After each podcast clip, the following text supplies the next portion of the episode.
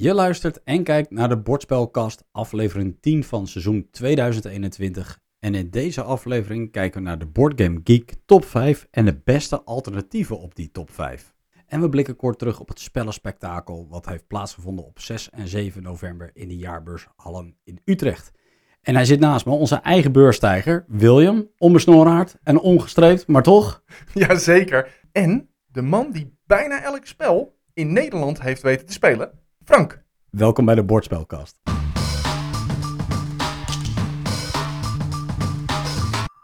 Ja, nog een jaar of tien denk ik wel. En dan eh, ben ik denk ik wel zover dat ik eh, alle Nederlandse spellen onder de knie heb.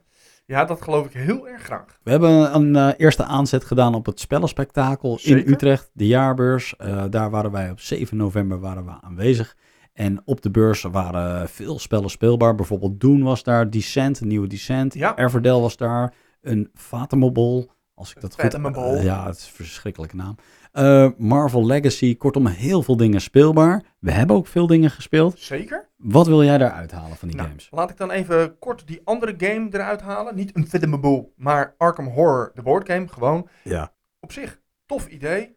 Jammer dat ze hebben gekozen voor het doen van alleen skill checks door middel van de dice. Dat Ja. is eigenlijk de hele game. Mhm. Of je nou met 1, met 2, met 3, 4 dobbelstenen mag gooien. Je hoeft alleen maar 5 of 6 te gooien. Hele game met flavortext. That's the game. Gewoon dobbelen, 5 of 6. Ga maar door. Ja, ja een hele beknopte gameplay inderdaad. Ja. eh, met, met heel veel eh, fluff doorheen. Oké, nou als ik een game mag noemen, dan vond ik Memoir 44 noemenswaardig.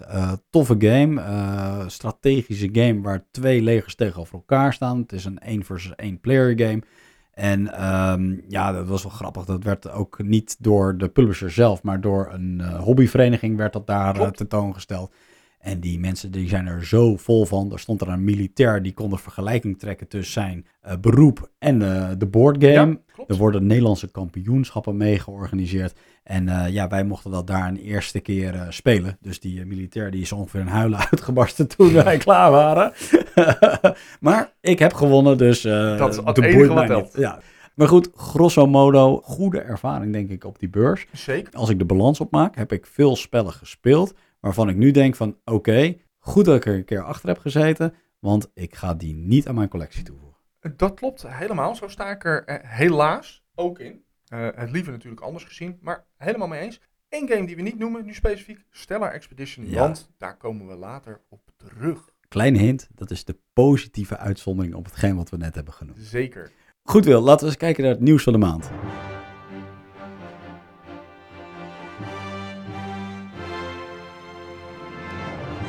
En dan trappen we af met het nieuws van 2 november jongsleden, waar Kickstarter nieuws geeft over eigen campagneregels. Ja, want die gaan aangepast worden. En dat wordt als volgt. Namelijk elke publisher, Mhm. die wordt gewoon gelijk getrokken. Of je nou een track record hebt of niet. Nee, dat interesseert ze niet. Je gaat voor de eerste keer weer een game publishen op Kickstarter. En dat betekent dat wanneer je een game hebt gelanceerd, Ja. dat je niet meerdere projecten gelijktijdig mag lanceren. Je moet een track record hebben van tenminste vijf gefunde en gecomplete games. Ja. En als je dat hebt gedaan, dan mag je meerdere campagnes binnen dezelfde categorie gelijktijdig laten lopen. Ga je daarbuiten, dus heb je een boardgame campagne, je zesde boardgame campagne lopen, en ga je daarnaast ook een comic uitbrengen, Mhm. helaas, helaas, helaas, je mag niet nog een andere campagne starten binnen een andere franchise. Dit is best wel groot nieuws eh, wat, eh, wat Kickstarter aangaat. Zeker. En ik denk voor de positieve wending. Ik Ja. snap dat bijvoorbeeld een Simon dat absoluut niet leuk gaat vinden. Nee. Maar ik denk dat het voor de backers onder ons heel goed nieuws is. Ja, verwacht je daarmee meer kwaliteit in een campagne of titel? Ehm, nou, ik, ik denk dat dat niet de voornaamste eh, eh, criteria was voor eh, Kickstarter om dit te doen. Nee. Ik denk dat het meer in een andere categorie evenementen waren die zijn te back op Kickstarter. En namelijk in de PC-games. Ja. Maar ik denk dat dit wel inderdaad zo zijn weerslag zal hebben in de games. Als je maar één campagne kan leveren, Mhm. dan zul je er denk ik beter over na gaan denken, omdat de druk er vanaf is. Dat gezegd hebbende vraag ik me wel af wat het doet voor het- het bedrijf zelf. Ja, ja, Er duidelijk. staat gewoon personeel op de payroll, hè? Ja, nee, dat, dat, dat begrijp ik heel goed. En sterker nog, er is natuurlijk nog een belangrijke concurrent in het spel, GameFound. Dus Ja. misschien zien we ook wel wat verschuiving plaatsvinden. Ja, wie weet. Oké, ehm, we houden het in de gaten. Eh, we gaan door naar het volgende topic. Dat was op 9 november. Iets minder eh, spectaculair, maar dat was Wingspan Digital. En die game die, eh, is naar de Play Store toegekomen. Hij was al eerder beschikbaar op iOS, maar nu kan ook, kunnen ook Android-gebruikers daarvan genieten. Ehm, dan 11 november, weer grote nieuws. En dat is dat Cool Mini or Not haar 50ste Kickstarter-campagne heeft aangekondigd. Ik ben rete benieuwd wat het gaat zijn. Want ik heb al eens eerder gezegd, volgens mij is de artistieke eh, pool bij eh, deze publisher een beetje leeg. Ja, dat denk ik ook. Ehm, ze zijn wel druk aan het teasen. Zullen wij een gokje doen wat het gaat zijn?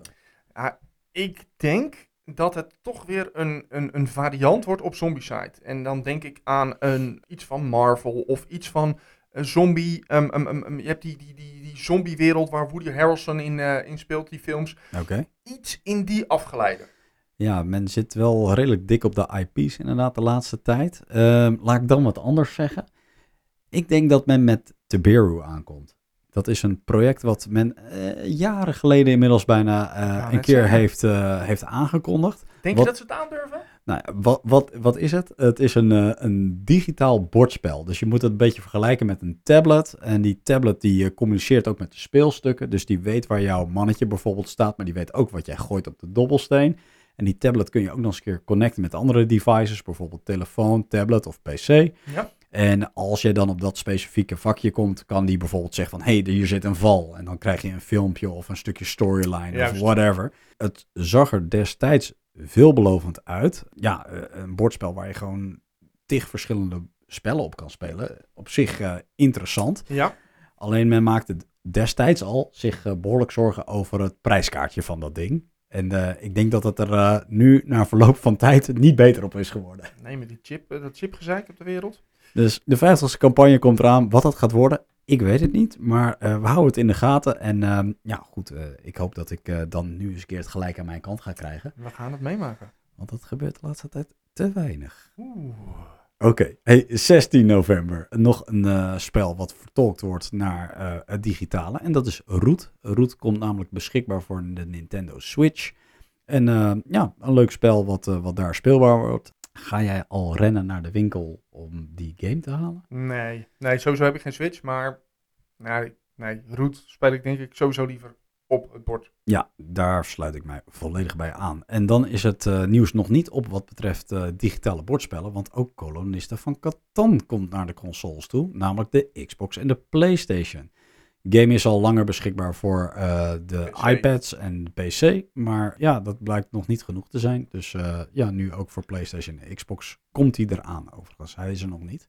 Ook Ja, hier ga ik niet voor rennen. het zal geen aardverschuiving Nee, teweeg brengen, verwacht nee, ik zo. Dat denk ik ook niet. Oké, nou, dat wat betreft het nieuws. Laten we eens doorkijken naar de crowdfunding campagnes. Top. En Zo. in deze aflevering kijken we even beknopt naar de crowdfunding campagnes. En in, over twee weken komen wij hier terug en dan staan we uitgebreider stil in onze crowdfunding special. Ja. We starten met eh, campagnes die zijn afgelopen. Nee. nee, nee, nee, nee, nee.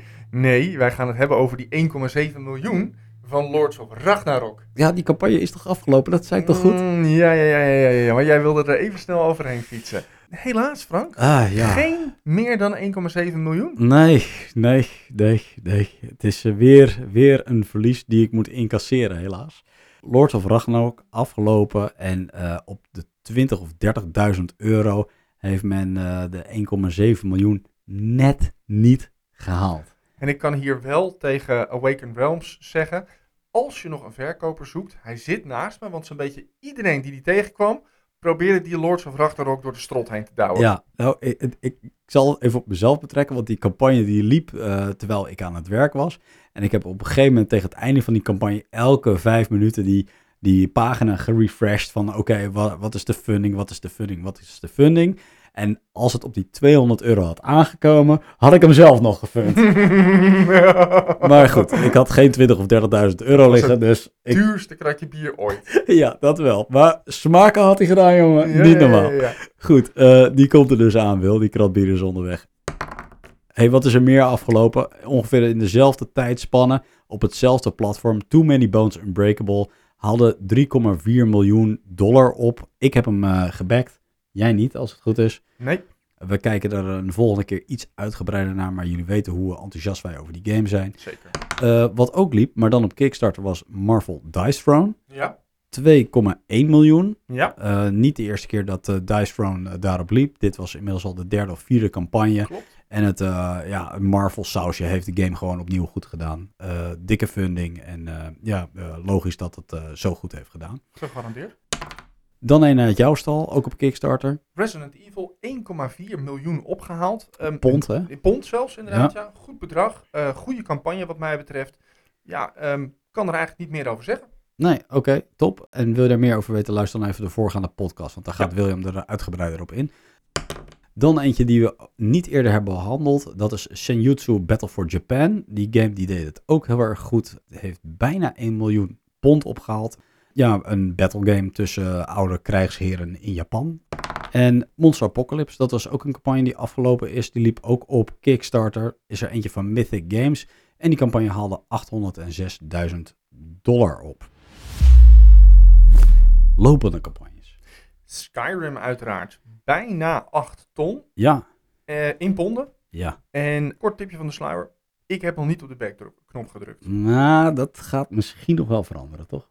Niet te veel spoilers. Oké, oké. Nou, dan kijken we daar volgende keer naar. Eh, die campagne loopt overigens nog tot 4 december. Dus Ja. mocht je geïnteresseerd zijn, hij loopt op GameFound. Daar kun je hem backen. En pledges begonnen vrij schappelijk, geloof Ja, ik. heel hè? schappelijk zelfs. Voor, ik, als ik me niet vergis, eh, iets meer dan 60 pond. Ja, ja, en dan kon je daarna volledig loesoe gaan. eh, Ja, dat klopt ook. Hey, wat ook loopt, wat misschien wel checken waard is, is Megapulse. Dat is een campagne die loopt op Kickstarter. Dat is een game die mij sterk doet denken aan videogames zoals een F-Zero van vroeger en Wipeout. Dus eh, futuristisch racen in eh fel fluoriserende kleuren en dergelijke. En eh, deze game die kun je daar oppikken van 61 dollar. Het is een card-driven race game met high risk, high reward. En ja, het zag er gewoon uit als een hoop fun. Oké. Een game die iets eh, serieuzer oogt, dat is Hegemonia. Of Hegemony moet ik zeggen. Eh Hegemony is een eh, spel wat een diplomatiek steekspel is tussen de working class en de capitalist class. Je kiest allerlei acties waarmee je een bepaalde funding krijgt. Dat is ook een card-driven Mhm. systeem waar we het over hebben. En daarnaast moet je eigenlijk allerlei bills door, het, door de stemming heen krijgen. En dat kun je beïnvloeden door een backbuilding principe. Dus jij kunt ja, jouw kleur aan die back toevoegen, zeg maar, waardoor de kans groter wordt dat jouw Dat chips worden getrokken. Ja, En zo eh, bepaalde dingen bijvoorbeeld eh, eh, bewerkstelligen. Meer of minder belasting, goede zorgverzekering of niet, Altijd enzovoorts, enzovoorts. Toffe asymmetrische game. Niet alleen asymmetrisch in van jouw, jouw mannetjes zien er wat anders uit dan die van mij. Maar ook echt daadwerkelijk andere win conditions. Dus eh, het zag er tof uit en die game kon je al oppikken van 59 euro. klinkt heel interessant. Ja, absoluut. Denk ook wel dat ik die eh, bestempel als eh, project van de week. Oeh, oeh, Dan ook op Kickstarter, Starfighter. Die game deed me heel erg denken aan Star Fox. Dat was ooit een game op de SNES en eh, later ook nog op de volgende consoles van de Nintendo.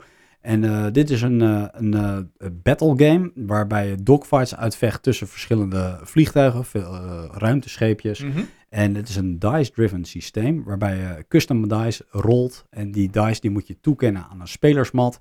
Dus de ene keer heb je bijvoorbeeld heel defensief gegooid en de andere keer heel offensief. Nou, dan moet je toekennen om daarmee de beste play eigenlijk te bereiken. Het is een beetje Star Wars X-Wing light voor mijn gevoel. En eh, deed mij ook wel erg sterk denken aan het battleprincipe van Stars of Arcadios. 29 pond, daarvoor pik je hem op op Kickstarter op dit moment. Oeh, Zo, dat waren best wel wat eh, games allemaal, eh, Wil. En heel wat nieuws. Ja, sowieso. En dan gaan we het nu ook nog eens een keertje hebben over de Board Game Geek top 5 en de alternatieven op die top 5. Kom erop. Dus er komen nog veel meer games jullie kant op. Laat ik beginnen met wat huishoudelijke mededelingen voordat we daar zijn. En dat is ten eerste, de opname die we nu maken is van 17 november. Ja. Dus ja, dat geldt ook voor de Board Game Geek top 5 waar we naar kijken. Die is van 17 november. Het kan zijn dat op het moment van luisteren of kijken die veranderd is. Zeker. Maar goed, je moet het doen met de titels die wij vandaag eh ten tonele brengen. Een tweede puntje wat we moeten belichten is dat bij de alternatieven, wij hebben gekeken ook naar commerciële beschikbaarheid. En Ja. met name in het retailkanaal. Ja. Dat als je iets voor de feestdagen wil gaan halen, dat het ook daadwerkelijk in de winkel staat. Wel zo handig, toch? Ja, daarom. Dus dat zijn even punten vooraf. De eerste titel. Gloomhaven. We schuiven even Gloomhaven, Frosthaven en Jaws of the Lion allemaal op één hoop. Ja. Want het zijn min of meer dezelfde games allemaal. Even kort wat Gloomhaven is. Is dat ja, handig? helemaal goed. Eh, Gloomhaven is een, een dungeon crawler co-op en legacy game. Mhm. Een co-op campaign legacy game moet ik zeggen. Ja. Ehm 1 tot 4 spelers. En eh, wat is deze game? Jij gaat met jouw party nou ja, door dungeons heen. En die dungeons die lijken wel een beetje op puzzels. Ja. Puzzels in de zin van, ja tuurlijk, je kunt met de enemies vechten en je kunt er ook voor vluchten. Maar je moet elke dungeon weer gaan nadenken over, wat is de achterliggende missie? Moet ik deze jongen nu verslaan? Of ga ik hier meteen die deur af rechts en zwaai ik nog even gedacht naar die kerel? Ja. En eh, ga ik snel door voor het behalen van mijn missie? Ja, ja. Ehm, heel sterk verhaal in die game. zeker. Heel spannend verhaal in die game. En deze, deze game werkt met kaarten die een boven- en een onderkant hebben. Mhm. En iedere keer ronde eigenlijk mag jij twee kaarten spelen. En daar mag je van de ene de bovenkant spelen en van de andere de onderkant spelen.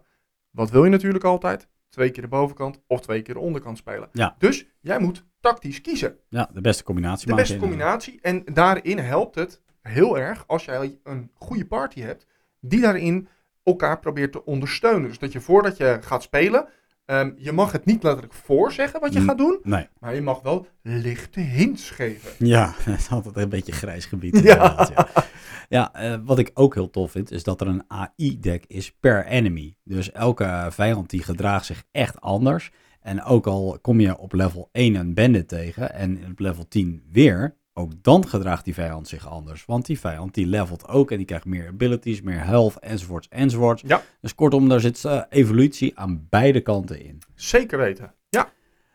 Toffe game.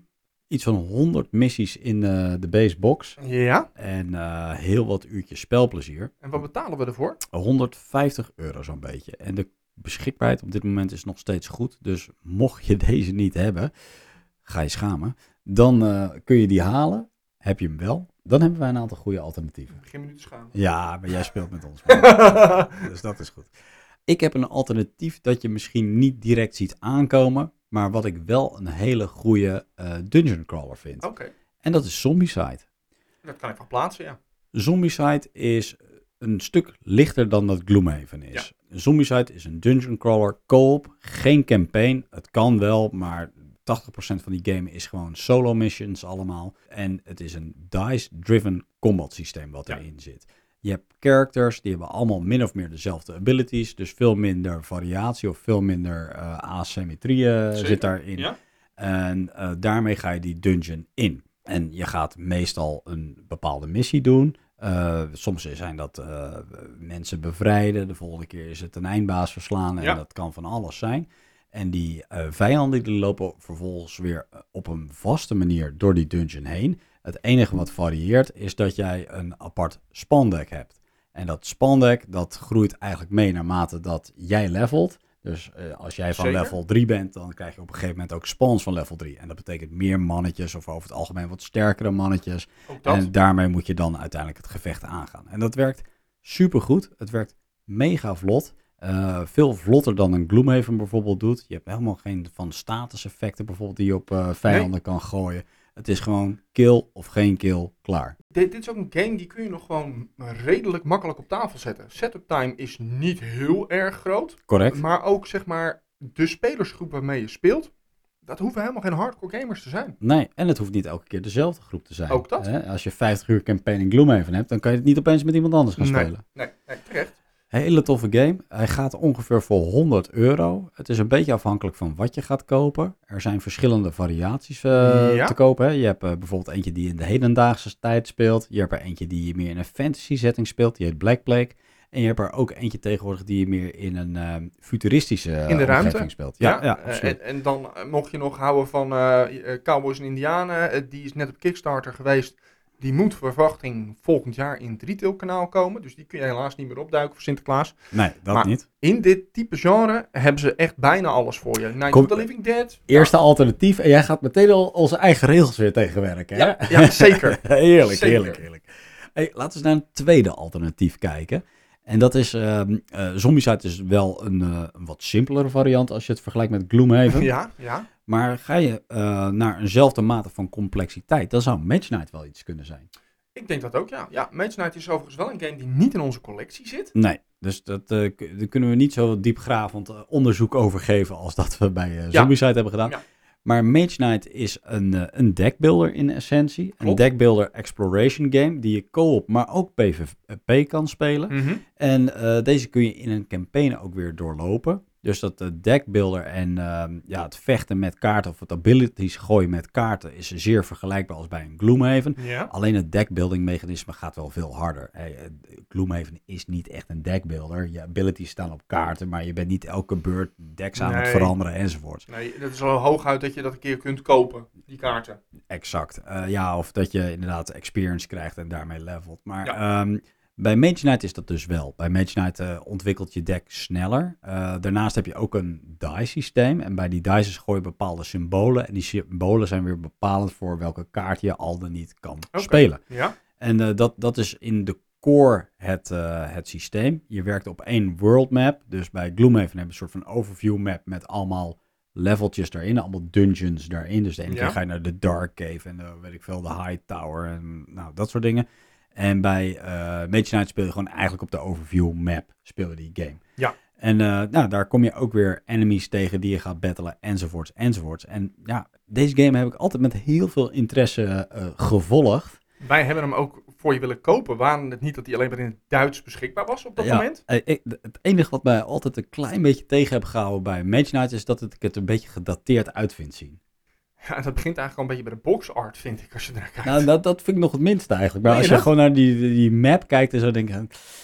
Ja, oh ja, tegen alle hedendaagse art en zo denk ik... eh, oh Heeft god. betere tijden ja, gezien. Ja, ja, maar qua gameplay is het echt een hele, hele goede game. Dus eh, mocht je geïnteresseerd zijn, 85 piek voor de base game. Ja, En eh, ook daar zijn al verschillende uitbreidingen bij beschikbaar. Dus hier kun je ook eh, behoorlijk wat tijd in verliezen als je wil. Hey, en eh, zullen we dan nog maar een gratis derde alternatief geven? Nou ja, we zijn nou toch bezig, dus kom maar door. Wat dacht je van Descent Legends of the Dark? Ja, zeker. Zeker die nieuwe. Ja, game helaas niet bij ons in het bezit. Wij hebben hem ook bijvoorbeeld wel weer willen spelen op het Spellenspectakel in Ja, Utrecht. absoluut, absoluut. Ehm, helaas was er geen, eh, geen tijd. Maar deze game ademt wel leven op tafel. Zo, absoluut. Zo, Wat een table Het presence. is echt super table presence. Je moet er wel de nodige duit voor neerleggen. 150 euro's. Ja. En dan heb je de base game. Ja, eh, Ja, in, in dat opzicht er is aangekondigd dat er nog uitbreidingen komen. Ja. Ehm, want hoeveel uur zit er in deze game? ja, dat durf ik je niet helemaal te zeggen. Maar dit zijn maar een aantal eh, scenario's. Ja. Dus geen 100 zoals bij Gloomhaven. Nee. Maar ik denk eh, een stuk of 10 max of zoiets. En dat koop je voor die 150 euro. En daarna moet je door naar act 2 en act 3. Die Ja. waarschijnlijk weer hetzelfde geld gaan kosten. Ja, dat is wel geld. Hey, en deze game maakt gebruik van een companion app. Ja, En dat heeft Gloomhaven overigens ook. En alleen dan is het al zijnde degene die het verhaal voor je vertelt. ja, bij voorteller is Een dat. voorteller inderdaad. Ja. Maar in dit geval is de game eigenlijk op je mobiel. Of op je tablet. Of... Nou ja, vroeger was Descent een eh, one versus many game. Dus je had een Dungeon Master en een party met heroes die tegen elkaar speelden.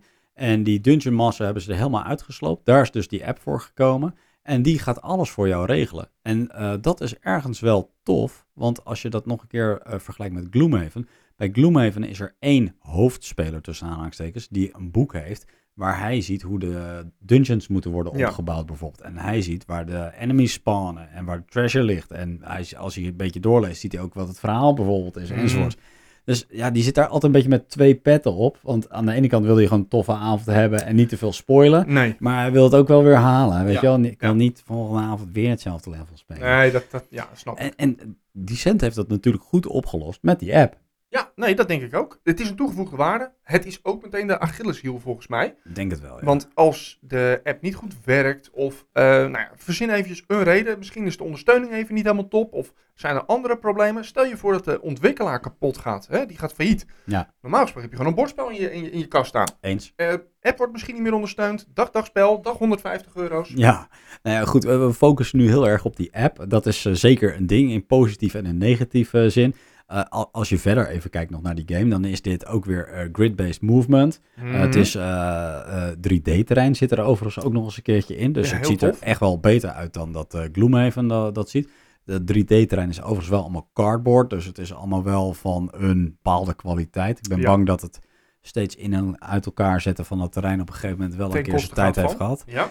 En dice-driven combat ook weer. Dus eh, dice-driven combat op de spelers. ja. En eh, de app die regelt de tegenstanders weer. Dus Hey, ik, ik denk dat we genoeg weten over de alternatieven van ronde 1, eigenlijk als het ware. Laten Ja. we maar eens naar eh, ronde 2 gaan. En welk spel staat er op nummer 2? ja, dat is ook weer een mooie. Dat, het zijn overigens allemaal mooie spellen mooi, natuurlijk. hè? We hebben het over de top 5 van de Board Game Geek. Maar Pandemic Legacy Season, sorry, Season 1 staat op die spot. Maar we gooien ook weer even hier alle pandemics op één hoop. Deze heb jij niet gespeeld, toch? Ja, zeker. Deze, deze heb ik door, season 1. Season 2 heb ik ook door. En ik ben nu in season 0, dat is de der- het derde deel, Ja. ben ik nu mee bezig. Ik, eh, ik heb even een kleine speelpauze daarin. Maar dit is een fantastische game. Het is een eh, legacy co-op game waar je de wereld probeert te beschermen tegen een aantal virussen. En ehm, de, ja, de basis is gefund op Pandemic. En Mhm. daar hebben ze nu een legacy sausje omheen gemaakt. Dus het, ja, er zit een verhaallijn in en je gaat stickers plakken op het bord en je mannetjes evolven en je kaarten evolven. En ja, de, de, de game waar je mee begon, dat is eh, aan het eind van de rit een hele andere game geworden, zeg maar, met alle ontwikkelingen die je doorgaat. Hey, heel veel korte vraag. Is deze game dan echt 100% anders dan de gewone Pandemic die ik voor 40 of 50 euro in de winkel kan kopen? Nee, het, het spelprincipe is in principe in de basis dezelfde. Alleen er gaan heel veel dingen bijkomen op een gegeven moment. En eh, het gaat op een gegeven moment een beetje van het pad afwijken. Maar als, je het, als je bij eh, season 1 begint, de eerste maand, want het, eh, het is opgeknipt in maanden die je speelt, dan speel jij in den beginnen exact dezelfde game. En dat, dat is juist wat het zo tof maakt. Dat je denkt van, oké, hey, ik ken deze game. Hey, en opeens komt er een twist. En nog een twist. En nog een. En dat houdt niet meer op. Dat is heerlijk, heerlijk, heerlijk. Ik raad die game iedereen aan. Deze is eh, zeer geschikt voor de medium speler, zeg maar. Ja. Misschien zelfs wel light, maar ik, ik houd even op medium, omdat die met name die legacy iets toevoegt en wat complexiteit met zich meebrengt. Ja, ik denk dat het ook wel een zekere mate van zelfverzekerdheid met zich mee moet brengen. Want je gaat dus die game slopen. Ja, ja, ja, ja. je gaat eh, je 65 euro, want dat eh, betaal je ervoor. Dit ga je na 12 playthroughs, als je het helemaal feilloos speelt, gooi je die weg. Ja, Ja. dat klopt. Maar ik denk dat je nog nooit zo'n fantastische spelervaring hebt gehad als dat je niet bekend bent met legacy games. Oké. Alternatieven. Kan me jouw kritiek voorstellen dat mensen zeggen van ja, ik wil geen game weggooien. Nou, dan kun je uiteraard Pandemic zo kopen. Maar goed, die hadden we net op één hoop gegooid, hadden we gezegd. Ja. Een alternatief zou kunnen zijn Flashpoint. Flashpoint werkt namelijk een beetje met hetzelfde principe. Dit is een, eh, een spel waar je branden bestrijdt. Hè? Je bent Mhm. een fireman. En die branden die groeien eigenlijk hetzelfde als dat de virussen ook groeien in Pandemic. Ja. Dus een brand begint als een rookwolkje. Doe je daar niet, niks aan op een gegeven moment, ja, dan, dan wordt het een vuurtje. En het vuurtje gaat verspreiden. En nou ja, goed, eh, als dat maar lang genoeg doorgaat, dan staat de hele tent in de fik. Ja. Dus dat, ja, die, die bestrijding van die branden, dat voelt een beetje hetzelfde aan als dat Pandemic dat doet met die virussen. Ja. Ja. En deze game is eigenlijk in de kern een pick-up en deliver game. Je speelt hier geen campaign of een storyline of zo. Het zijn single playthroughs. En eh, wat de bedoeling is, dat je zeven mensen bevrijdt uit een pand die in die brand staan. Die moeten naar buiten toe. En haal je dat, nou dan win je de game. Dus ben jij helemaal verliefd op het eh, pandemic eh, principe, de basisprincipe, dan vind je dit waarschijnlijk ook wel een toffe game. Omdat dat, ja, dat basisprincipe voelt een beetje hetzelfde. Hey, en, en, en hoe moet ik dat dan voor me zien? Moet je dan skill checks doen? Of, of, of... Nee, het, het, eigenlijk ook dat weer een beetje hetzelfde als dat Pandemic heeft. Je hebt een mannetje die kan vier acties of iets dergelijks doen per ronde. En eh, ja, een movement is één actie. Een mannetje oppikken is een actie. Je kan een keer bijvoorbeeld een, eh, een muur proberen door te slaan. Nou, dat is één actie per damage Oké, die je slaat ja. op de muur. Maar ga je door vuur heen lopen, dan kost het je bijvoorbeeld twee acties. Dus eh, ja, het is action selection wat je, wat je daarin doet. En daar probeer je de meeste optimale play in te maken. En eh, uiteraard ook in co-op, eh, vergeet ik nog te melden. Oké, oké. Hey, ehm, alternatief 2, dat Ja. is eh, Spirit Island. Ja. Spirit Island is in onze collectie. Even voor de goede orde, Flashpoint is dat niet. Nee, exact. Ehm, en Flashpoint is overigens voor 45 euro op te pikken. Dat Mhm. is volgens mij zo'n beetje hetzelfde als dat de saaie, tussen eh, pandemic is. Saaie pandemic, zei je dat echt? Oké, ga verder met je verhaal. Spirit Island. Eh, in dit, deze, deze game ben je een, ja, een, een, een geest eigenlijk. Ja. Eh, het is een asymmetrische game in de zin dat alle geesten zijn anders, hebben een eigen, Volkomen. ehm, een eigen voorkomen inderdaad, ja. En jij eh, hebt een idyllisch eiland. En dat idyllische eiland, dat wordt ge, ja, daar gaan mensen gaan dat proberen te koloniseren. Ja. En jij bent zelf niet heel erg van het geweld, maar je gaat toch proberen die kolonisten van jouw eiland af te krijgen. Mhm. En krijg je dat niet voor elkaar, dan verlies je de game. Krijg je het wel voor elkaar, en daarmee wil ik zeggen dat alle kolonisten van het land af moeten zijn, Ja. dan heb je de game gewonnen. Dit is een game die werkt met kaarten. En eh, die kaarten die zorgen ervoor dat jij bepaalde acties kunt doen met jouw geest. Ja. En eh, het is een co-op game. Je kan hem solo spelen. En het is een hele, hele moeilijke game. Mm, Ja, dat ben ik met je eens. Ik, eh, ik zie hier heel erg het, eh, het sterke mechanisme wat eh, Pandemic heeft. Dat zie ik hier ook in. Het mechanisme is overigens wel echt anders. En het is ook meer uitdagend. Deze game is van een hogere moeilijkheidsgraad.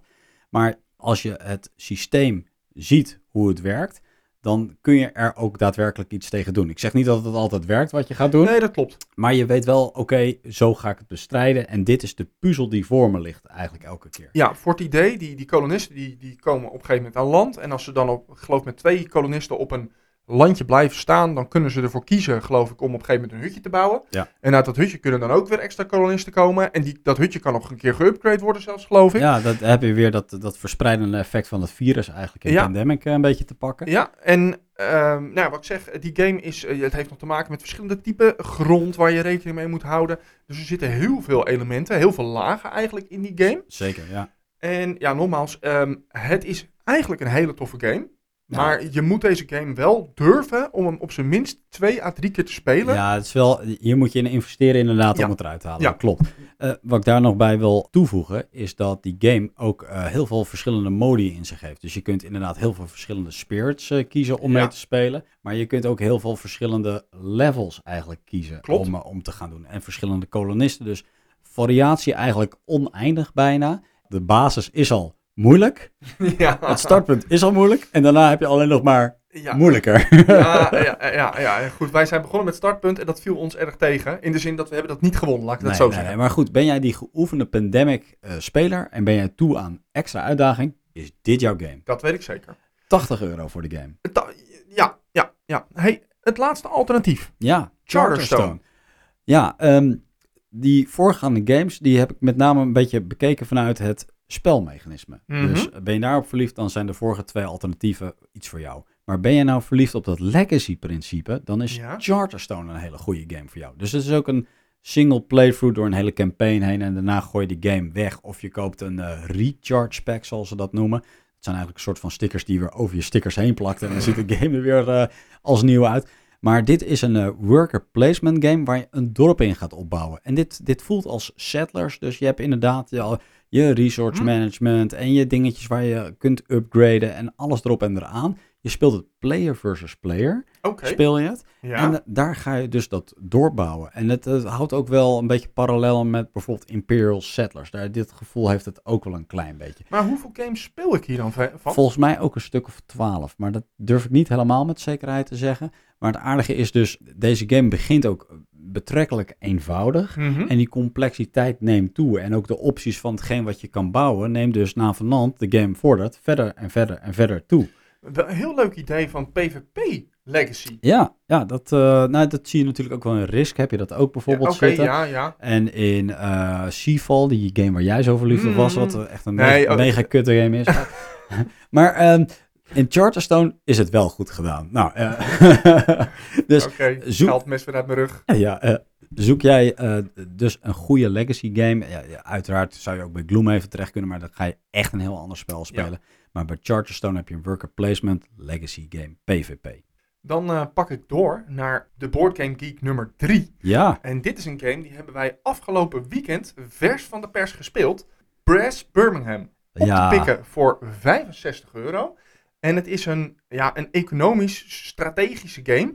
En ja, ik moet nog even, e- even een beetje cooling down hebben van mijn woede-aanval die ik gewoon had van deze game. Oh, woedeaanval. Hoe stook ik dat weer op? Eh, nou, liever niet. Maar eh, nee, deze game is, eh, ja, dan ga ik een beetje hypen. Maar deze game is echt heel tof. In de Ja. zin van, alles wat je doet, daar moet je over nadenken. Het is een hele strategische game. Mhm. Eh, er zitten bepaalde grondstoffen op de game. Dat is kolen, dat is bier, dat is ijzer en dat is trade, als ik me niet vergis. Nee, volgens mij zijn het drie grondstoffen drie die, je- grondstoffen, die je noemde. Ja. En ehm, ja, je doet een soort van fulfillment om eh, iets te kunnen bouwen. En ja, je kan het bouwen en dan lever je al dan niet grondstoffen in. Mhm. En op een gegeven moment moet je het kunnen activeren. En dat activeren, dat kan je dus weer doen door, nou, ik verzin maar eventjes wat, eh, bier te handelen. En als je één kerk bier, of misschien wel twee kerks bier kunt verhandelen, dan mag je je kaart draaien. En dat zorgt er dan weer voor dat jij meer inkomsten krijgt. Of eh, victory points krijgt. Of, of beide, ja. Of, ja, nee, precies beide. En dit werkt met sporen en eigenlijk twee ages. Ja, dat is wel heel gaaf. Dit is, eh, eh, je moet hier een netwerk bouwen, ook Ja. in die game. Dat is eh, een belangrijk aspect. En er zit een reset in die game. Je hebt eerst een canal phase. En later wordt dat een eh, railway phase. Ja. Wordt dat, of eh, era wordt dat. Ja. En je krijgt dus een soort van reset in die game. Dus je- dat, ja, dat is gewoon mega tof. Als je echt eh, rot gaat in de eerste era, dan heb je altijd nog wel kansen weer in de tweede era. Ja, de- de- het bord cleant een beetje. In de zin dat alles wat level 1 is, dat moet van het bord af Ja. in, die, in die era. En dan hou je eigenlijk alleen nog de level eh 2 of hoger. 2 plus, ja. En ja, die game is onwijs resource management. Je moet vooruitdenken, wat ga je doen? En tegelijkertijd ga ik je alvast vertellen dat jij kan een strategie bedenken, maar jouw tegenstander gaat zonder het te weten iedere keer vol door jouw strategie heen. Ja, die kans is Want- groot, ja. Dat was echt voor mij super tof aan deze game. Dat er is één strategie en dat is zoveel mogelijk rails zien te bouwen overal. Mhm. Dat is best wel een solid strategie in de zin van als iemand een gebouwtje flipt, dan is die punten waard. En eh, hij is ook connection punten waard. Eh, dus hij heeft gewone victory points. En hij heeft meestal ook connection victory points. Ja. Als jij een twee delen, twee, twee eh, dorpen of steden met elkaar weet te verbinden. En die heeft zoveel gedraaide tegels. Dan is het bijvoorbeeld het ene stadje is 8 overwinningspunten waard. En de tweede is 4 overwinningspunten waard.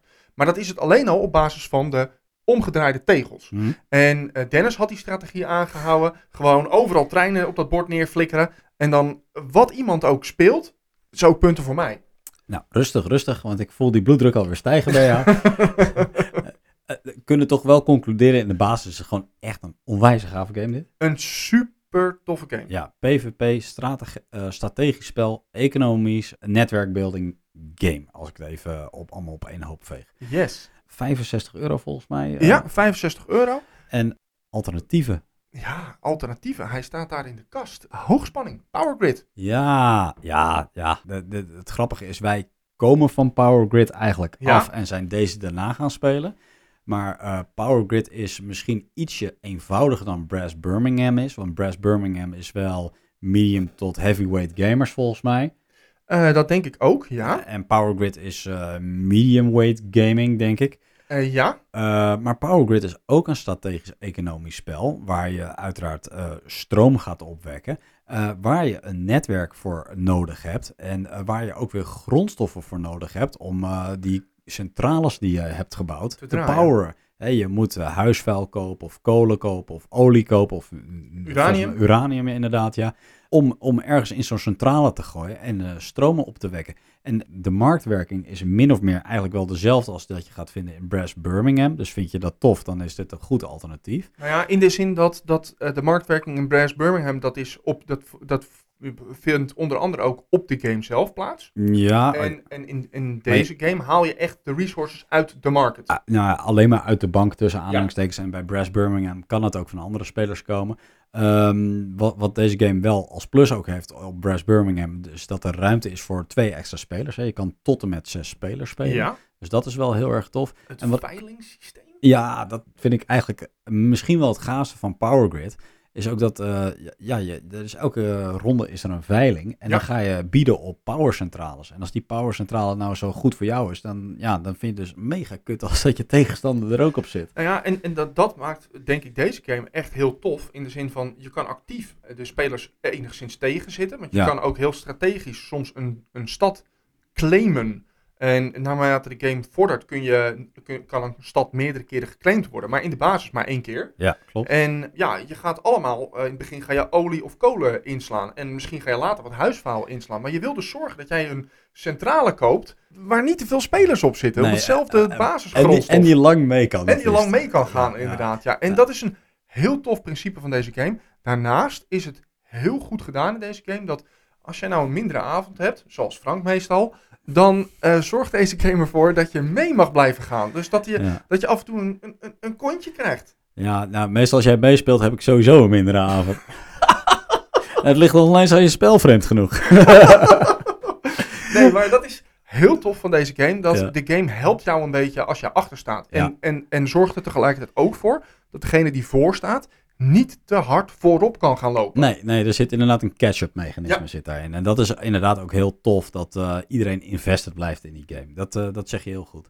55 eurotjes voor de game. Ja, En misschien ook nog wel aardig, ook Nederlandstalig beschikbaar. Mocht eh, taal een ding zijn. Eh, zeker. En ehm, voor de game denk ik dat het minder toevoegt. Maar je hebt verschillende eh, landen waarmee je dat spel kunt spelen. Ja, verschillende boards, verschillende ja, kaarten. verschillende kaarten, inderdaad, Ja, ja, ja. Ja. oké. Stel nou dat dit nou net even iets te licht is. Ik kan me dat voorstellen als dat je van Brass Birmingham afkomt en dan denk je, ja, ga ik nou Power Grid spelen? Hallo, ik wil een, eh, een beefy game hebben met veel nadenken en strategie enzovoorts. mhm.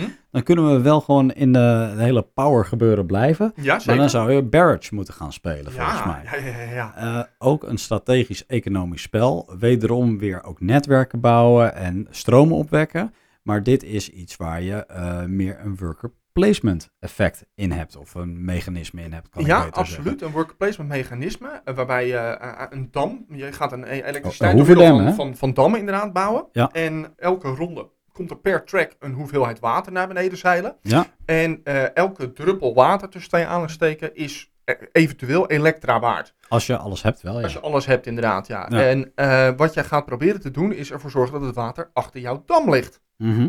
Maar naarmate je hoger op het bord komt, ehm, daar komt het water vandaan, bovenaan de berg. Juist. De goedkoopste plekken zijn onderaan de berg. Mhm. Eh, het risico is dus ook dat jij een dam bouwt zonder dat er ooit water bij jouw dam terechtkomt. Ja. En als jij de bovenste dam koopt, dan koop jij een hele dure dam en heb je geen geld meer Nee, om elektra te gaan produceren. Dus het is een heel tactisch spel. zeker. In de zin van wanneer ga ik het waar plaatsen? Eh, je hebt ook maar zoveel plekken om elektra te produceren. En je bent je mannetje soms ook voor langere periodes kwijt. Ja, ja eh, dat zeg je helemaal goed. Ik denk dat dit, eh, dit inderdaad voor de gevorderde gamer is. Even iemand die langskomt die niet zoveel boardgames, is dit niet echt een geschikte titel voor. Nee. En Power Grid misschien nog wel. Maar dit biedt wel echt diepgang. En wat ik ook echt heel tof vind, is dat resources zijn ook best wel gewoon schaars. Dus Ja. je moet echt je best doen. Ja. En als je iets gaat bouwen, dan eindigen die resources ook weer in een soort van construction wheel. En een soort van timer van wanneer de eh, resources weer op de grondstoffenmarkt terugkomen. Dus als die erin zitten, is de schaarste nog groter. Ja, ja, ja. en Ja. dat is heel gaaf gedaan, vind ik. En eh, dit is denk ik wel een game dat als we hem in de collectie nemen, dat ik hem niet met Guus en Dennis ga spelen. Want die zijn gewoon permanent aan het naaien. Ja, ook dat. En ik denk ook een half uur per beurt aan het nadenken. Dat ook nog. Eh, dat is een goeie. Ik denk dat de downtime bij deze game inderdaad erg lang is. En dat is bij Power Grid aanzienlijk minder. ja, klopt. Overigens gaan die games voor min of meer hetzelfde geld. Dus eh, deze gaat dan voor 60 euro, had ik gevonden. En eh, ja, ook deze volop beschikbaar. Dus eh, En wil ik nog heel even een kleine shout-out doen naar Viticulture. Er niet te lang bij stilstaan, maar het is ook zeker een alternatief in Ja. deze markt. Op te pikken voor 60 euro. Ook strategisch, worker placement. Met kaarten eh, om eh, verschillende soorten wijn die je kunt produceren. mhm. En het vervullen van orders om victory points te halen. Ja, zeker. Wat ik nog tof vind om daarbij te vernoemen is dat er ook een soort van time effect in zit. Dus naarmate je langer druiven bijvoorbeeld hebt liggen of langer wijn in je, in je Ja. cellar hebt liggen, wordt het allemaal meer waard. En dat is nogal een leuke toevoeging op het worker placement Ja, principe. ja zeker. zeker. Eh, rond de 60 euro ook. Dit is wel echt een zijstap van Brass of Birmingham. Ja. Dus eh, wil je echt iets anders, maar wel iets economisch, dan is dit eh, eventueel een goed alternatief. Top. Ja, en dan, ik, ik denk dat ik mijn mond ga houden, want hier staat weer een titel voor jou, hè? Nou ja, laat ik maar gewoon losgaan. Eh, Terraforming Mars. Ook een game in de collectie op te pikken voor 55 euro's. En eh, dit is een game die je alleen kunt spelen of twee tot vier spelers kunt spelen. Het is een game waarbij je een world map hebt, of althans een map van Mars. Ja. En waarbij je drie parameters gaat proberen te vullen. Namelijk lucht, tenminste voldoende zuurstof. Al het water moet op de planeet liggen en eh, de planeet moet behagelijk zijn. Dus hij moet warm genoeg worden. En ehm, het is een engine building game door middel van kaarten. Jij krijgt elke ronde kun je een aantal kaarten kopen. Ja. En eh, als je ze hebt gekocht, moet je ze ook nog een keer betalen om te spelen. En op die kaart staat bijvoorbeeld dat je een asteroïde op Mars loslaat om de temperatuur op te stuwen. Ja, ja, en dat kaarten, even voor de duidelijkheid, dat is een draft mechanic, hè? Dat is wel een Daar van de... kun je voor kiezen. Ja. Hè? Je, kunt, je kunt gewoon drie kaarten pakken van de stapel. eh, eh, of je kunt je kaarten langs iedereen laten gaan. Ja. Dus dat is een keuze. Het is zeker aan te raden. Mhm. Het werkt met corporations. Ehm, dat wil zeggen dat eh, je kunt ervoor kiezen om beginner te spelen.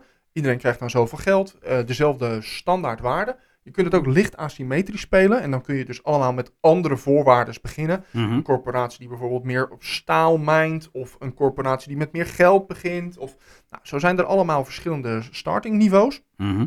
En eh, nou, in deze game is er enigszins dat je de spelers naast je kunt plagen.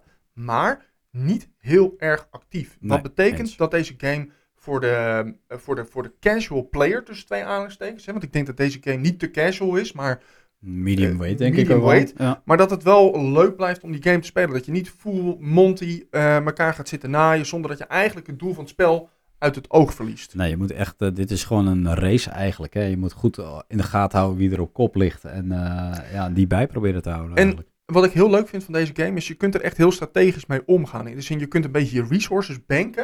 Hè, Mhm. dat is een optie, dat je, dat je bijvoorbeeld je, je, je plantjes of je boompjes eh, bankt. En dat je op een bepaald moment dat je ziet van, oh die track die heeft nog eh, drie zuurstof nodig. En dan krijg je een extra bonusoverwinningspunt. Ja. Eh, Oké, ik, ik heb nog twee boompjes nodig. Die ga ik gewoon sparen. En dan ga ik al mijn boompjes tegelijkertijd inleveren. En dan gooi ik drie groene tegels op Mars neer. Want die moet je terraformen. Mhm. Dat is misschien wel heel erg belangrijk om nog even te vermelden. Ja. Dat de game speelt zich af op je engine tableau. En daarmee kun je ook de victory points verdienen. Maar daarnaast ga je dus Mars eigenlijk eh, terraformen. Ja. En daar vallen ook nog heel veel overwinningspunten te halen. Je moet Ja. een stad bouwen. En die stad die moet je weer voorzien van zoveel groene tegels eromheen. Elke groene tegel is overwinningspunten waard. Een hele, hele toffe game om te spelen. Ja, zonder meer. Echt, eh ben ik het helemaal mee eens. Maar ik eh, zijn ook wel goede alternatieven op die game te vinden. Zeker.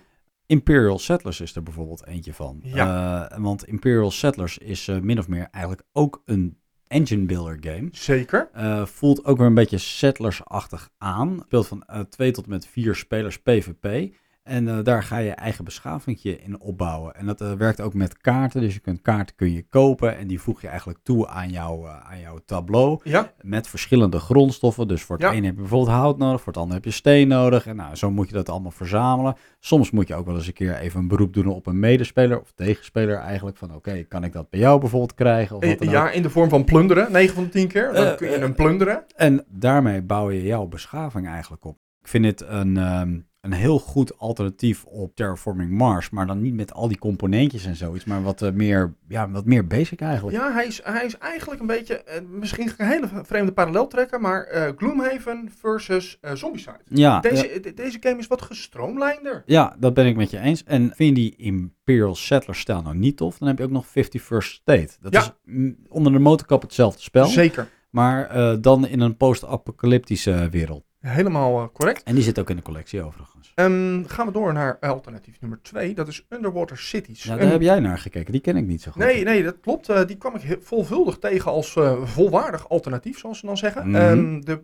game is voor 50 euro op te pikken. Is één speler speelbaar en twee tot vier spelers speelbaar. Ja. Worker placement ondersteunt met kaarten. Dat wil zeggen, je hebt ook hier weer bij een bord met een, een, ja, een onderwaterland dat je gaat proberen te koloniseren. Ja. En om die map zitten verschillende kleuren waar jij eh, je workers op kan plaatsen. En die workers die plaats je met een kaart. Bijvoorbeeld, je hebt een, eh, rij met groene eh, workspaces. En die workspaces die zeggen dat jij deze ronde de farms mag gaan mijnen. En daar kun je dan je worker op zetten. En als je dan toevallig ook een groen kaartje hebt wat daarmee correspondeert, dan staat daar nog een bonus op. En dan als jij die groene kleur met die groene kaart weet te spelen, dan mag jij die bonus gebruiken. Je mag die kaart sowieso spelen, ook al is die op een groen vlak, of sorry, op een rood vlak of op een paars vlak. Ja. Mag je hem ook nog steeds spelen, alleen je hebt gewoon die bonus niet. Ah. Dus je, je, je kunt tactisch, zeg maar, kun jij je kaarten plaatsen. Mhm. En tegelijkertijd zitten jouw tegenstanders je mogelijk in de weg, want die gaan op datzelfde track eh, hun workers placen. Dus naast dat je misschien de pech hebt dat je niet die actie mag doen, heb je dubbel pech. Je kunt ook de bonus niet incasseren. Ja, Dat vind ik best wel een, een leuke gimmick aan die game. Oké. Je gaat een, een stad bouwen en die stad die wil je connecten. Dus waar we het net over hadden eigenlijk met Brass Birmingham, je gaat een soort spoor bouwen. Dat doe je in deze game ook lichtelijk. Mhm. En eh, naarmate je je stad verder uitbreidt, heb je verschillende overwinningsplekken waar je naartoe wil bouwen. Ja. En als je die weet te connecten, dan krijg je dan ook weer victory points voor. Nou, Oké. Het is een game die, ik denk, ja, ten opzichte van de vorige game eh, moeilijker is. Ja. Ehm, maar ik denk wel dat er ook veel meer downtime in deze game zit. Ah, oké. Daar houden we niet zo van. Nee, dat is, dat, dat is een beetje mijn gevoel. Ik vind hem wat minder gestroomlijnd. En eh, ook een, een, een ding is, er is eigenlijk totaal geen interactie tussen de spelers. Oh, dat is ook wel jammer. Dus het is een alternatief, maar het is een wat... Hou je ervan dat je gewoon je eigen dingetje mag doen, zonder dat je last hebt van de andere spelers, maar dat het echt gewoon puur is een race naar, naar de top, Mhm. dan is dit een game voor jou. Hou je wat van wat meer interactie, dan zou ik deze game niet adviseren. Oké, nou, een laatste alternatief. Wingspan. Jazeker. Ja, dat is eh, een game van 999 Games. Een goede verkrijgbaarheid ook. Het is een spel van 1 tot en met 5 spelers. Ja. En dit is heel duidelijk een engine builder. Ja. Het speelt zich af eh, met vogeltjes. Hè. Je moet een collectie aan vogels gaan eh, verzamelen. En eh, die vogels, dat, eh, ja, dat vormt eigenlijk je engine. Klopt. Vormt dat. Eh, het is een tableau wat je voor je hebt. Op die tableau kun je die vogels op een gegeven moment neerzetten. En die vogels kun je activeren. En je kunt bepaalde chains kun je maken. En als dan zo'n chain afgaat, mag je van elke vogel vervolgens die abilities gaan doen. Ja, je hebt verschillende typen vogels, geloof ik. Hè? Watervogels, die moeten dan weer in het watertrack liggen. Exact, En, ja. en, nou, zo zijn er verschillende... Er zijn tracks dus opgedeeld in drie niveaus. Ehm, en eh, je hebt acht cubes. Acht, eh, dat, dat waren er vijf. Acht cubes. En ehm, die cubes die ga jij neerleggen op de plek waar jij een actie wil gaan doen. Ja. En dat moet je enigszins strategisch doen, want die cubes die nemen af. Dus nou, oké, je gaat naar 7, naar 6, naar 5. Mhm. En je hebt in totaal maar vijf rondes om die game te completen. Ja. En eh, de speler die aan het einde van deze game de meeste eh, eh, punten heeft gewonnen, is de winnaar. Het is een game waarbij ik vind dat er zijn 170 verschillende soorten vogels. Uniek, ja. Unieke vogels. Ja, semi-uniek. Oké, maar ja, ja, ja. Maar waarvan ik wel vind van ja, het is een engine building game. En ja, er zijn hele dikke combo's te maken. Mhm, Zeker. Maar het is dan ook een hele hoge mate van randomness. Ja, maar is dat bij Terraforming Mars ook niet zo? Want er zijn ook heel veel unieke kaarten in en je moet maar net de luck of the draw hebben. Ja, dat is enigszins waar. Maar bij Terraforming Mars kun je ook altijd bepaalde basisacties uitvoeren. Mhm. Dus stel je voor dat je geen energie kan produceren, dat je die energiekaarten maar niet naar boven kunt krijgen. Dan kun je gewoon voor een basisactie zeven geld inleveren uit mijn hoofd. Ja, En dan mag je gewoon één elektra produceren. juist. En dat is bij deze game niet het geval. Als Nee. jij gewoon shitkaarten draait, dan heb je pech. Nou moet ik wel zeggen, je hebt ook de open market. Dat zijn zes kaarten waar je dan nog die open liggen waar je uit mag kiezen. Ja. Maar ja, goed, dat, misschien ligt daar wel tussen. Alleen ja, jouw tegenstanders kunnen die kaarten ook pakken. Ja. Dus wel een grappige eh, toevoeging daaraan. Dat het niet alleen maar blind kaarten trekt. Nou, ik vind Wingspan best wel een leuke game. Hij is iets, eh, iets lichter dan dat eh, Terraforming Mars is. Zeker. Eh, maar er gebeurt genoeg. Er zit diversiteit in doordat je je engine aan het beelden bent. Maar je kunt ook eh, je vogels voeren bijvoorbeeld. Dat is weer een soort van dice mini-spelletje wat erin zit. Zodat je Eh, ja.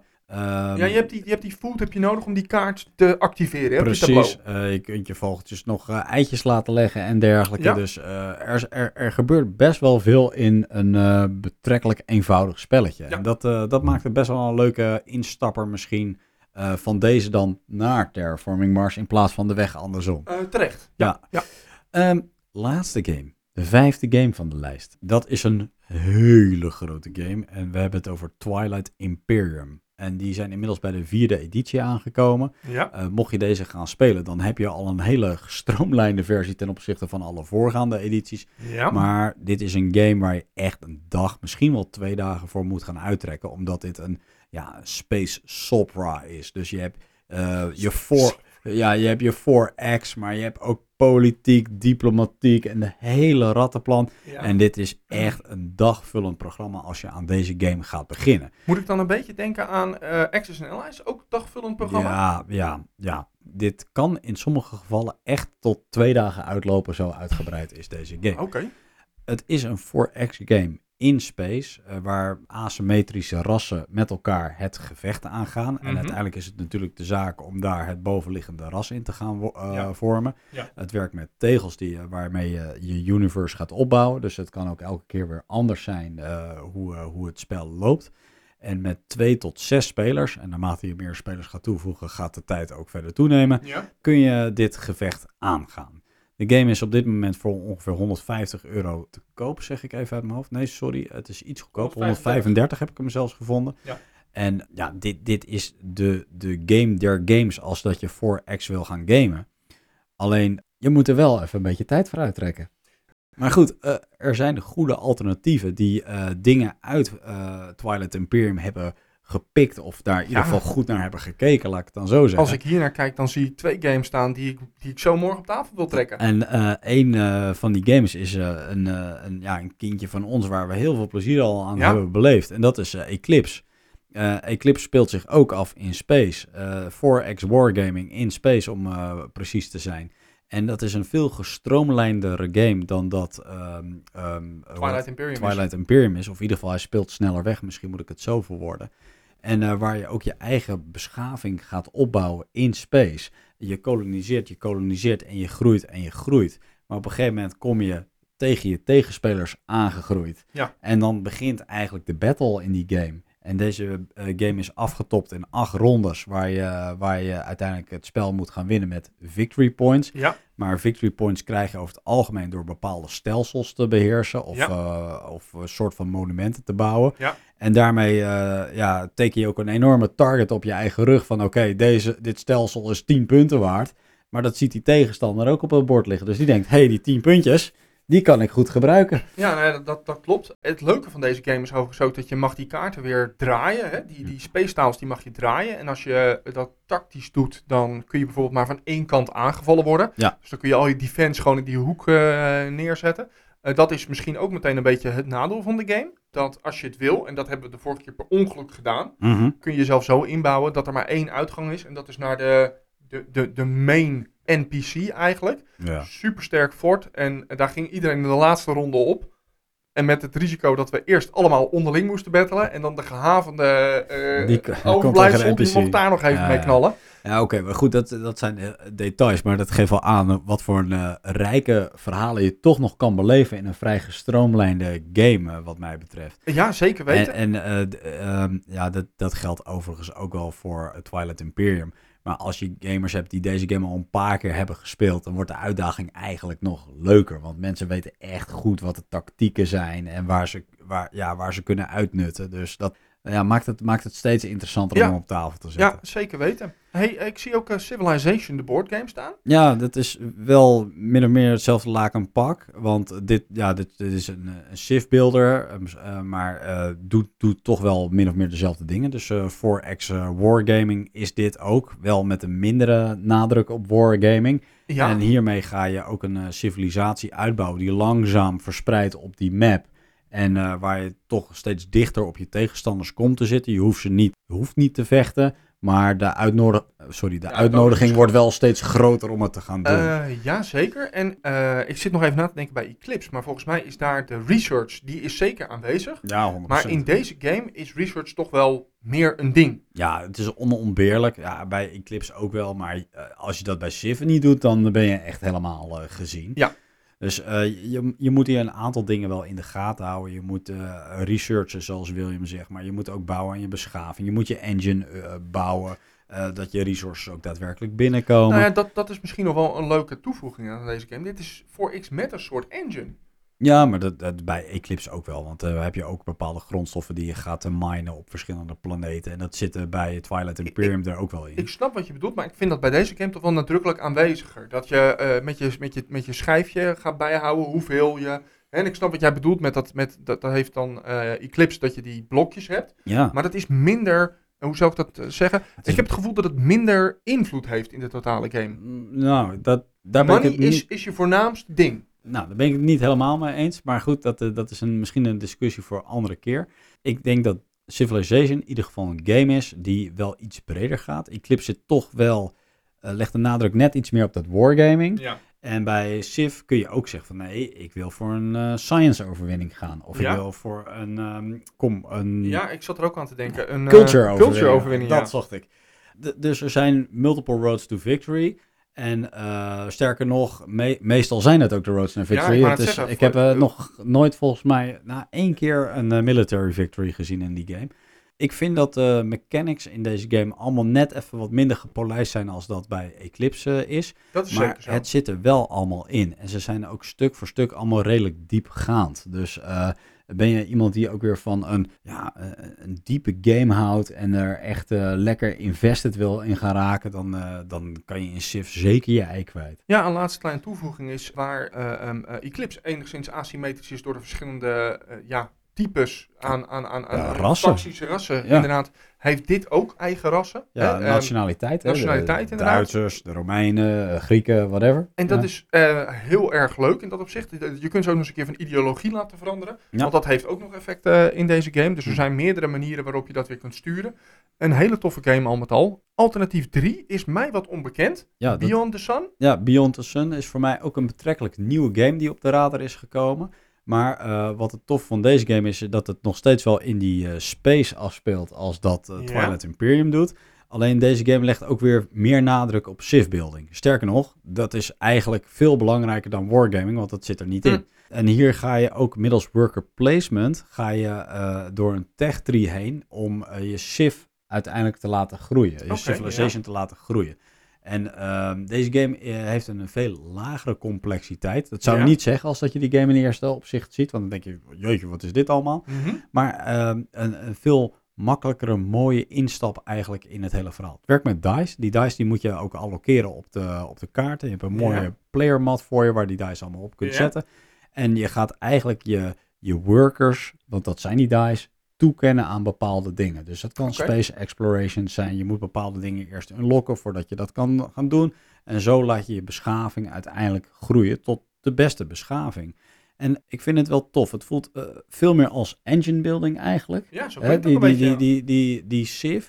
Maar het is ook weer niet, niet zo worker placement als dat bijvoorbeeld een Fiji Culture is. Het, is. het voelt wel engine builder, Civ builder door middel van worker placement. En dat, eh, dat trekt mij wel erg in deze game. Ik kan me voorstellen dat het wel een iets afwijkend eh, eh, gevoel geeft als dat Twilight Imperium dat heeft. Dat, dat is Mm. echt, eh, ja, Eh, eh, full wel space. Al- ja. alles wat je wil doen in Twilight Imperium, dat kan je doen, bij wijze van spreken, Ja. in Twilight Imperium. En de- dit is daar echt wel een destillaat van. Maar de trade-off is wel, je speelt hem echt veel sneller en de complexiteit is een stuk lager. Terwijl het toch nog steeds ook de geoefende gamer kan uitdagen. Dus ik, eh, ik kan niet alles nog vertellen over deze game, om heel eerlijk te zijn. Maar dit, eh, dit ga ik zeker nader onderzoeken, deze game. Want ik, eh, ik ben erg geïnteresseerd in het verhaal. Interessant. Hij is eh, op dit moment op te pikken voor 75 euro. Ik zie dat we vergeten zijn om dat te noemen bij de voorgaande games. Civ kun je oppikken voor 65 euro. Let op, er zijn verschillende edities, in Edities, omloop. ja. Wij hebben het gehad over Civilization, de board game. En inmiddels is er al één nieuwere versie beschikbaar van die Een game. nieuw Dawn, geloof ik. Ja, en eh, Eclipse gaat voor 150 euro. En dan remind ik je nog even dat eh, Twilight Imperium dus 135 euro kost. Ja, en niet te vergeten, we hebben het over Eclipse Second Dawn. Want er is ook een eerste versie Ja, van Eclipse. Dat is een hele goede voetnoot die je daar geeft. Oké. Hey Frank, ehm, volgens mij hebben we nu de top 5 afgerond met de drie alternatieven. Ja, dat klopt. Wat kun je ons vertellen wat we de volgende keer eh, gaan bespreken? Nou, volgende keer komen we natuurlijk weer met onze crowdfunding special. Dus dan gaan we weer kijken naar de lopende campagnes op dat moment. Die diepen we uit. Maar als ik iets verder vooruit kijk, dan eh, lopen we richting het einde van het jaar. Ja. Eh, we gaan niet weer een top 10 boardgame lijstje doen, want daar hebben we het nu al min of meer over gehad. Maar wat mij erg leuk lijkt, is, is om te kijken naar de late pledge campagnes die er nog beschikbaar zijn. Ja. Er zijn dit jaar echt heel veel goede campagnes geweest, naar mijn idee. Mhm. Nou, de portemonnee heeft niet altijd even meegewerkt om eh, alles eh, maar aan te kopen wat we wilden hebben. Maar ja, bij sommige van die campagnes is er nog steeds mogelijkheid om te late pledgen. En ik stel voor dat we daar de beste games uit gaan halen en die eh, gaan voorleggen in de Oké, podcast. eh, dus dat betekent games die we niet hebben gebackt, maar die nog wel pledge zijn. Ja, dat lijkt me een hele goede. Oké, spannend. Ja, ja, ja, ja, dat dus voor volgende keer. Maar goed, we laten je niet met lege handen achter, want we hebben ook nog tips meegenomen. Oeh, tips. Ja, ik had dit keer zowaar weer eh, twee halve tips voor je eh, weten te vinden. Dat is het weer zover. En eh, mijn eerste tip heeft te maken met de game waar ik zo hyped was in de vorige aflevering. Dat is Heroes of Might and Magic 3. Mhm. Ik wilde nog even een kleine shout-out doen. Dat, deze game komt uit eh, 1995, geloof ik. Ja. En ja, goed, toen ik dat muziekje hoorde, toen zei ik dat doet wat met mij. Ja. Dus wat heb ik gedaan? Eh, ik eh, heb een beetje onderzoek gedaan en ik zag dat je op Steam de HD-versie kon kopen. En dat betekent dat die gewoon speelbaar is op de moderne Windowsen. En eh, dat heb ik dus ook gedaan. En ik heb hem opgepikt voor 3,49 euro. Oké, dat is dan schappelijk. En dat is hartstikke schappelijk. En het is gewoon weer leuk om die game even uit de doos te trekken, de- om het maar even zo te spreken. En eh, mijn tweede halve tip, dat is eh Narcos Mexico seizoen 3 is op Netflix. En eh, ik ben inmiddels in de derde aflevering en ik wil ze toch weer allemaal heel erg graag kijken. Ja. Ehm, ja, het is, een, het is een vervolg eigenlijk op de vorige Narcos. En eh, er zitten heel veel haken met de, de, de oude Narcos. Dan, dan bedoel je die narcos met Pablo Escobar ja, nog? ja, ja. en dan eigenlijk vooral met het Cali-kartel. Dus er worden, een Pa- Pablo komt er even in voor, Ja. maar dan alleen de scène dat hij wordt afgeknald. En daarna gaan ze door maar, naar het Cali-kartel. En eh, ja, daar zie je eigenlijk een beetje wat er, wat, wat er vanaf dat moment, terwijl dat eigenlijk in Narcos speelde, in, Ja. destijds in Colombia, Mhm. wat er nu speelde op dat moment in eh, Mexico. En heel tof om te zien hoe die haken over en weer toch in elkaar zitten. Oké, oké. Nou, hartstikke tof. Ehm, ik heb ook een tip meegenomen. En dat is eh Dune. Eh Dune is een eh, film die op dit moment in de bioscoop draait, maar die je ook al op verschillende streamingdiensten kan huren. En eh Dune is geïnspireerd, of eh, de, ik moet het anders zeggen, Dune is de verfilming van het boek van Frank Herbert. Die heeft het ooit ergens in de jaren 60 volgens mij geschreven. En ja, dit is een gigantische intergalactisch avontuur van de familie Atreides, die de opdracht krijgt van een keizer om Arrakis, wat Dune eigenlijk in de volksmond heet, te gaan bevolken. En om daar spice te gaan winnen voor het universum. En spice is een heel kostbaar grondstofje waar iedereen graag zijn handjes in zet.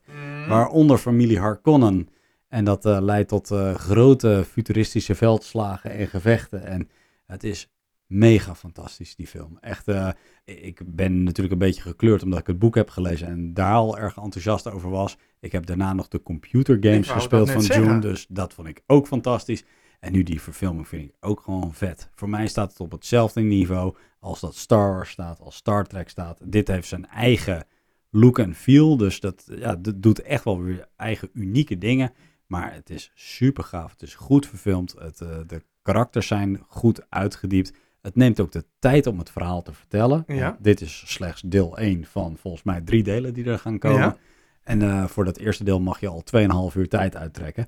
En eh, het pakt het verhaal gewoon gedegen op. En eh, ja, het is gewoon goed. Het is gewoon fantastisch. Het was mijn eh, 15 euro huur meer dan waard. Oh, je hebt hem ehm, via een, een streamingdienst eh, Ja, gekeken. maar ik heb hem via Amazon gekeken, maar volgens mij kun je hem ook via Videoland. Nee, niet Videoland, uh, Pathé Thuis kun je hem volgens mij huren. Oké.